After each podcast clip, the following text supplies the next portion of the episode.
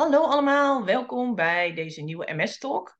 Uh, we zijn weer een zomer voorbij, dus we zijn een tijdje weg geweest. Het is uh, weliswaar nog warm buiten, maar de herfst zit eraan te komen. Het is september 2023 en we zijn met z'n tweeën deze keer. Naast mij virtueel zit Gerald Hengstman, neuroloog bij Ubendo. En vandaag willen we het samen even hebben over vormen van MS er is wat onduidelijkheid, er gaan wat dingen aan het veranderen in de MS-wereld. Uh, toen ik de diagnose kreeg, uh, werd mij verteld dat ik RRMS zou hebben, relapsing remitting. Nou, dat is allemaal een beetje aan het veranderen, heb ik het begrepen. En ja, ik begreep, uh, Gerald, van jou dat jij regelmatig even moet uitleggen hoe dat nu zit. En dat we zoiets hadden van, nou, laten we er gewoon even een aparte aflevering van maken. Dan kunnen we in één keer uitleggen hoe dat nou, hoe dat nou in zijn werk zit. Ik zou zeggen, brandlos. Brandlos. Uh, dit, dit, is in die zin dit, is geen lastig verhaal, maar het is een. Um, ik denk, het heeft alles te maken met het feit iedereen heeft behoefte aan houvast, aan duidelijkheid, structuur, kaders. Um, en um, dus vandaar dat je ook vaak ziet van ja, welk type heb ik nu? Heb ik nu RRMS? Heb ik nu SPMS, PPMS? Wat is er nu? En wat ik altijd aan mensen uitleg is, ik wil eigenlijk al gewoon teruggaan naar het begin van wat is nu eigenlijk precies MS. Eh, en eigenlijk is MS al een hele grote vergaarbak, diagnose. Want alles waarbij ontsteking in het centrale zenuwstelsel, hersenen, ruggenmerg, oogzenuw, zonder een specifieke oorzaak, dus verondersteld een soort auto-immuunfenomeen en het gebeurt vaker in de tijd, dat noem je MS. Nou, dat is al een hele vage omschrijving. Nou, als de basisdiagnose al zo vaag omschreven is, dan worden subtyperingen daarbinnen nog veel vager. Um, en dat is ook wel aardig om terug te gaan kijken van waar komen die subtyperingen nu vandaan? Ja, die komen uit de mid-jaren 90. Dus dat is ongeveer bijna 30 jaar terug. En die zijn grotendeels een beetje in elkaar geknutseld, onerbiedig gezegd, om een registratie voor een MS-middel eh, te kunnen gaan realiseren. Nee. Um, want je hebt niet alleen te maken met SPMS, met PPMS, maar je hebt ook over RRMS, maar je hebt ook een fase daarvoor, hè, CIS-diagnose. Je hebt zelfs een fase daarvoor, een RIS-diagnose. Ik zal zo even uitleggen wat het is. Ja, precies. Even voor de luisteraars van wat zijn al die afkortingen? Ja, dan begint het verhaal bij een RIS. Dat wil zeggen dat je een, uh, op een MRI-scan van iemand die om andere redenen dan verdenking MS een scan krijgt, bijvoorbeeld hoofdpijn en bij bang dat iets ernstig aan de hand is, wordt een scan gemaakt en dan zie je vlekken passend bij MS. Er wordt een Radiologically Isolated Syndrome Suggestive of MS genoemd. RIS afgekort. Op het moment dat je voor de eerste keer neurologische klachten krijgt, bijvoorbeeld een oogzenuwontsteking, en er wordt een scan gemaakt van je en witte vlekken op, dan heet het een CIS, een Clinically Isolated Syndrome Suggestive of MS. Uh, en op het moment dat er, uh, omdat je nog niet voldaan hebt aan dat derde punt van die diagnose MS-vaccin, moet vaker voorkomen in de tijd.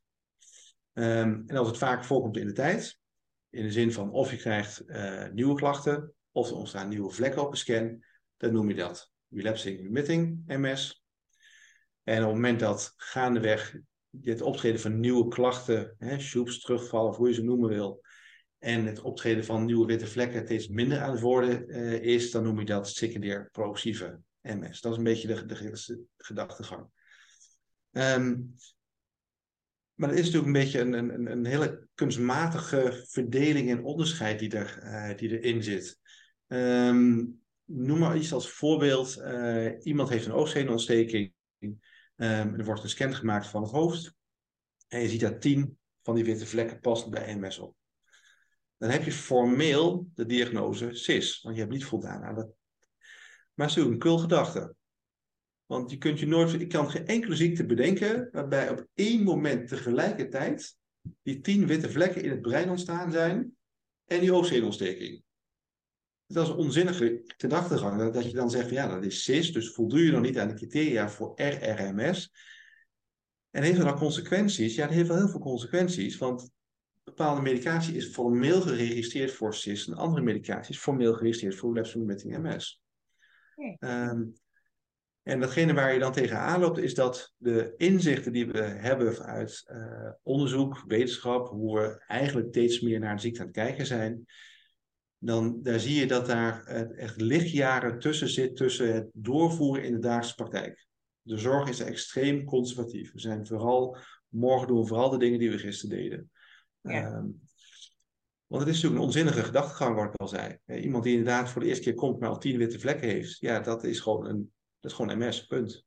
Ehm, en hetzelfde geldt voor het onderscheid tussen secundair progressieve MS, SPMS of primair progressieve MS. Um, ik had laatst bij een nascholing het voorbeeld gegeven van, uh, een, van een tweelingbroer. De ene heet Jan en de andere heet Piet. En Jan die uh, komt op het moment dat hij uh, ehm, 40 is met een langzaam progressief probleem met lopen. Um, hij is verder gewoon goed gezond. Uh, hij heeft misschien ooit een keer, toen hij net in de studententijd zat, heeft hij misschien een keer wat problemen met zijn oog gehad. Maar is verder geen aandacht aan besteed. Ging over een aantal weken wel weer over.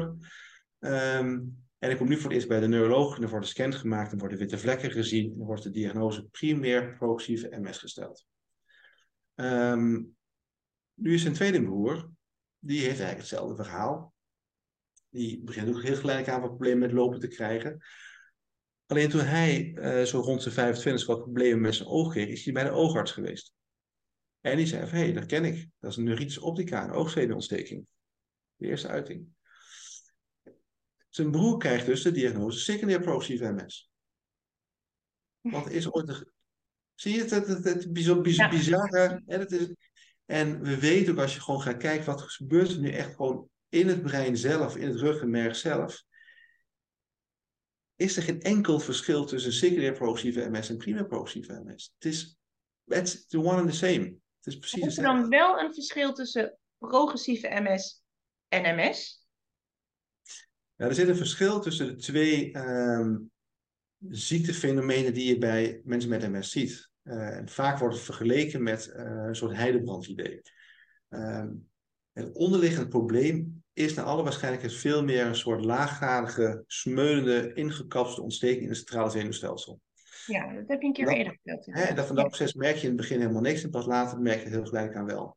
Uh, en daarbovenop kun je af en toe van die ja, pieken hebben, van die vlammen hebben die je ofwel merkt of op een scan terug gaat, uh, gaat zien. Um, en het is ook zo, als je gaat, um, echt goed gaat kijken, hebben het ook al een keer over gehad, dan zie je dat als je heel goed gaat kijken, dat er bij iedereen met MS progressie is. Alleen de een merkt dat sneller op dan de ander. Hangt heel sterk af, onder andere van hoe sterk je het gaat belasten. Noem maar iets, een, uh, een uh, professioneel hardloper zal veel sneller merken dat het lopen heel langzaam aan het veranderen is dan iemand die dat eigenlijk helemaal niet opzoekt, dat soort, dat soort dingen. Die gaat er pas over klaar als hij 50 is, dat het lopen moeizamer gaat. Um, hetzelfde geldt op het moment dat je echt op, weefselniveau gaat kijken in het brein zelf. Dan zie je bij iedereen ook uh, dat er actieve ontstekingen zijn. Um, en heel vaak zie je dan dat, ja, op de MRI vinden we geen actieve ontstekingen. Dus iemand is niet uh, actief. Nee, dus ook, ook, dus ook dat onderscheid tussen of iemand progressief is ja of nee, iemand actief is in de zin van dat wel of niet actief ontstekingen zijn, is op biologisch niveau slaat het helemaal nergens op. Um, en dat zie je wel steeds meer, dat als je echt gewoon gaat, uh, dat de wetenschap steeds meer laat zien dat MS eigenlijk één heel groot ziektebeeld is. En dat er geen kunstmatige subtypes zijn. Um, dus het heeft ook niet zo heel veel zin. Dat, dat, dat is toch wel lastig om te gaan vragen welk type heb ik. Ja. Het is ook lastig als je dan je afvast. Ja, het is wel een behoefte, maar die, die behoefte die uh, klinkt misschien gek, die schaadt je meer dan dat hij je gaat baten. Um, omdat op het moment dat je SPMS hebt, ja, maar dan uh, zijn heel veel dingen niet meer mogelijk. Of dan ben ik, nee, dus dat. dat, dat dus het verandert wel als mens niet. Het verandert niet ineens hoe je, hoe je eraan toe bent, zeg maar. Het is niet dat het, dat als je het een andere naam geeft, dat het dan ineens uh, veel verschrikkelijks ja, maar... met je gaat of zo. Nee, maar er zit natuurlijk wel een bepaalde labeling aan vast. Ja. Bij, bij, bij, op het moment dat je het woord progressief MS noemt, uh, dan ontstaat een soort doembeeld bij heel veel mensen. He, want RRMS kun je nog gaan behandelen, SPMS is elkaar een beetje opgegeven. Um, dus daarnaast merk je ook dat er verwarring gaat ontstaan op het moment dat je een soort, soort uh, typering vast gaat houden in behandelmogelijkheden. He, wat je net uitlegde met die twee broers, uh, SPMS en PPMS, het is gewoon hetzelfde. Er is geen... Alleen het stomme is dat wij als dokters zo ontzettend conservatief zijn dat wij onderzoeken doen met criteria van 30 jaar terug. Die biologisch eigenlijk helemaal ja, nergens meer op slaan. Maar dat zorgt er wel voor dat bepaalde medicatie geregistreerd is voor alleen maar SPMS. Het middel Ciponimod of Mycent is geregistreerd voor mensen met actieve SPMS. Terwijl um, voor primair progressieve MS is een middel ocrelizumab geregistreerd. Natuurlijk werkt bij ocrelizumab dan ook bij iemand met een SPMS of werkt Ciponimod ook bij iemand met een primair progressieve MS. Um, dus ehm, eigenlijk moeten wij als patiënten het loslaten, de typering, zeg maar, de subtypering. Maar is de medische wereld of de farmacie nog niet zo ver? Is dat een conclusie die ja, ik mag ja, ik denk, ja, klopt. Het, het, het, het, uh, het veld is uitermate conservatief. Uh, en um, ik denk dat het, ligt een heel groot punt bij dokters om uiteindelijk een keer dingen toe te gaan passen die we gewoon weten. Dus gebruik de inzichten die er zijn naar hoe je er nu naar kijkt. Um, ga niet meer akkoord met allerlei studies die uh, in dat soort oude typeringen werken. Maar dat zijn veranderingen die heel langzaam gaan. Uh, maar ik denk ja, dat het goed is om als patiënt inderdaad gewoon te weten van ja, het, het, het doet er niet toe hoe, welke vorm je hebt, welke type je hebt of wat dan ook. Het gaat om wat gebeurt er nu binnen jou? Wat zie je nu aan progressie? Waar zie je nu aan um, actieve ontstekingen, aan terugvallen of nieuwe scanafwijkingen? Hoe zie je dat beeld? Wat is dan de beste weg om te gaan? En in welk hokje dan precies het kruisje gezet wordt, dat doet er eigenlijk helemaal niet toe. Nee, en dat zal nog best een tijdje duren voordat dat echt helemaal is ingeburgerd, hè? Want dat is toch... Dat duurt, dat, dat duurt heel lang. Hè? Dat, uh, en, dat, uh, en, en het, het, moeilijke is alleen dat, en dat, dat merk je in ieder geval in de dagelijkse praktijk ook, die subtyperingen die geven je een soort, ja, die geven je houvast. En in feite laat je nu dat stuk gewoon los. Ja. En dat, uh, maar het is denk uiteindelijk wel beter. Ja. Dus ja, we krijgen ook wel eens, wel eens uh, vragen. We, hebben, uh, we gebruiken regelmatig het verwijsformulier van MS Nederland. Hè, voor deze zorg, dat gaan we veranderen. Ja, moet je aankruisen wat de diagnose is. En staat dus bij van heeft iemand PPMS of SPMS of wat dan ook. En soms vind ik dan in een keer het vakje aan SPMS, wat ik daarvoor gezegd. Uh, en dan schrikt een patiënt, want die dacht van ja, maar ik heb toch RRMS, hoe zit dat nu? Moet de fysio dan niet weten? En nee, dat maakt ook voor je therapie helemaal niks uit in welk hokje dat zit. Dus dat... Uh, ja, laten we dat formulier dan maar uh, gauw wijzigen. Laten we dat, dat balletje maar aan het rollen brengen. Dus eigenlijk, conclusie, MS-patiënten, het is allemaal één grote familie. Het is eigenlijk één grote familie, precies. Ja, ja, klopt. Ja. Nou, ik hoop dat dit een beetje duidelijkheid schept en dat mensen vooral inderdaad niet meer schrikken. Als er inderdaad toevallig ergens een keer iets anders genoemd wordt of een andere naam gebruikt wordt. En dat toch langzaam maar zeker ook de wetenschap en de farmacie en iedereen op dezelfde manier gaat communiceren. Want op het moment dat we dezelfde woorden gebruiken, kunnen we elkaar ook allemaal veel beter begrijpen.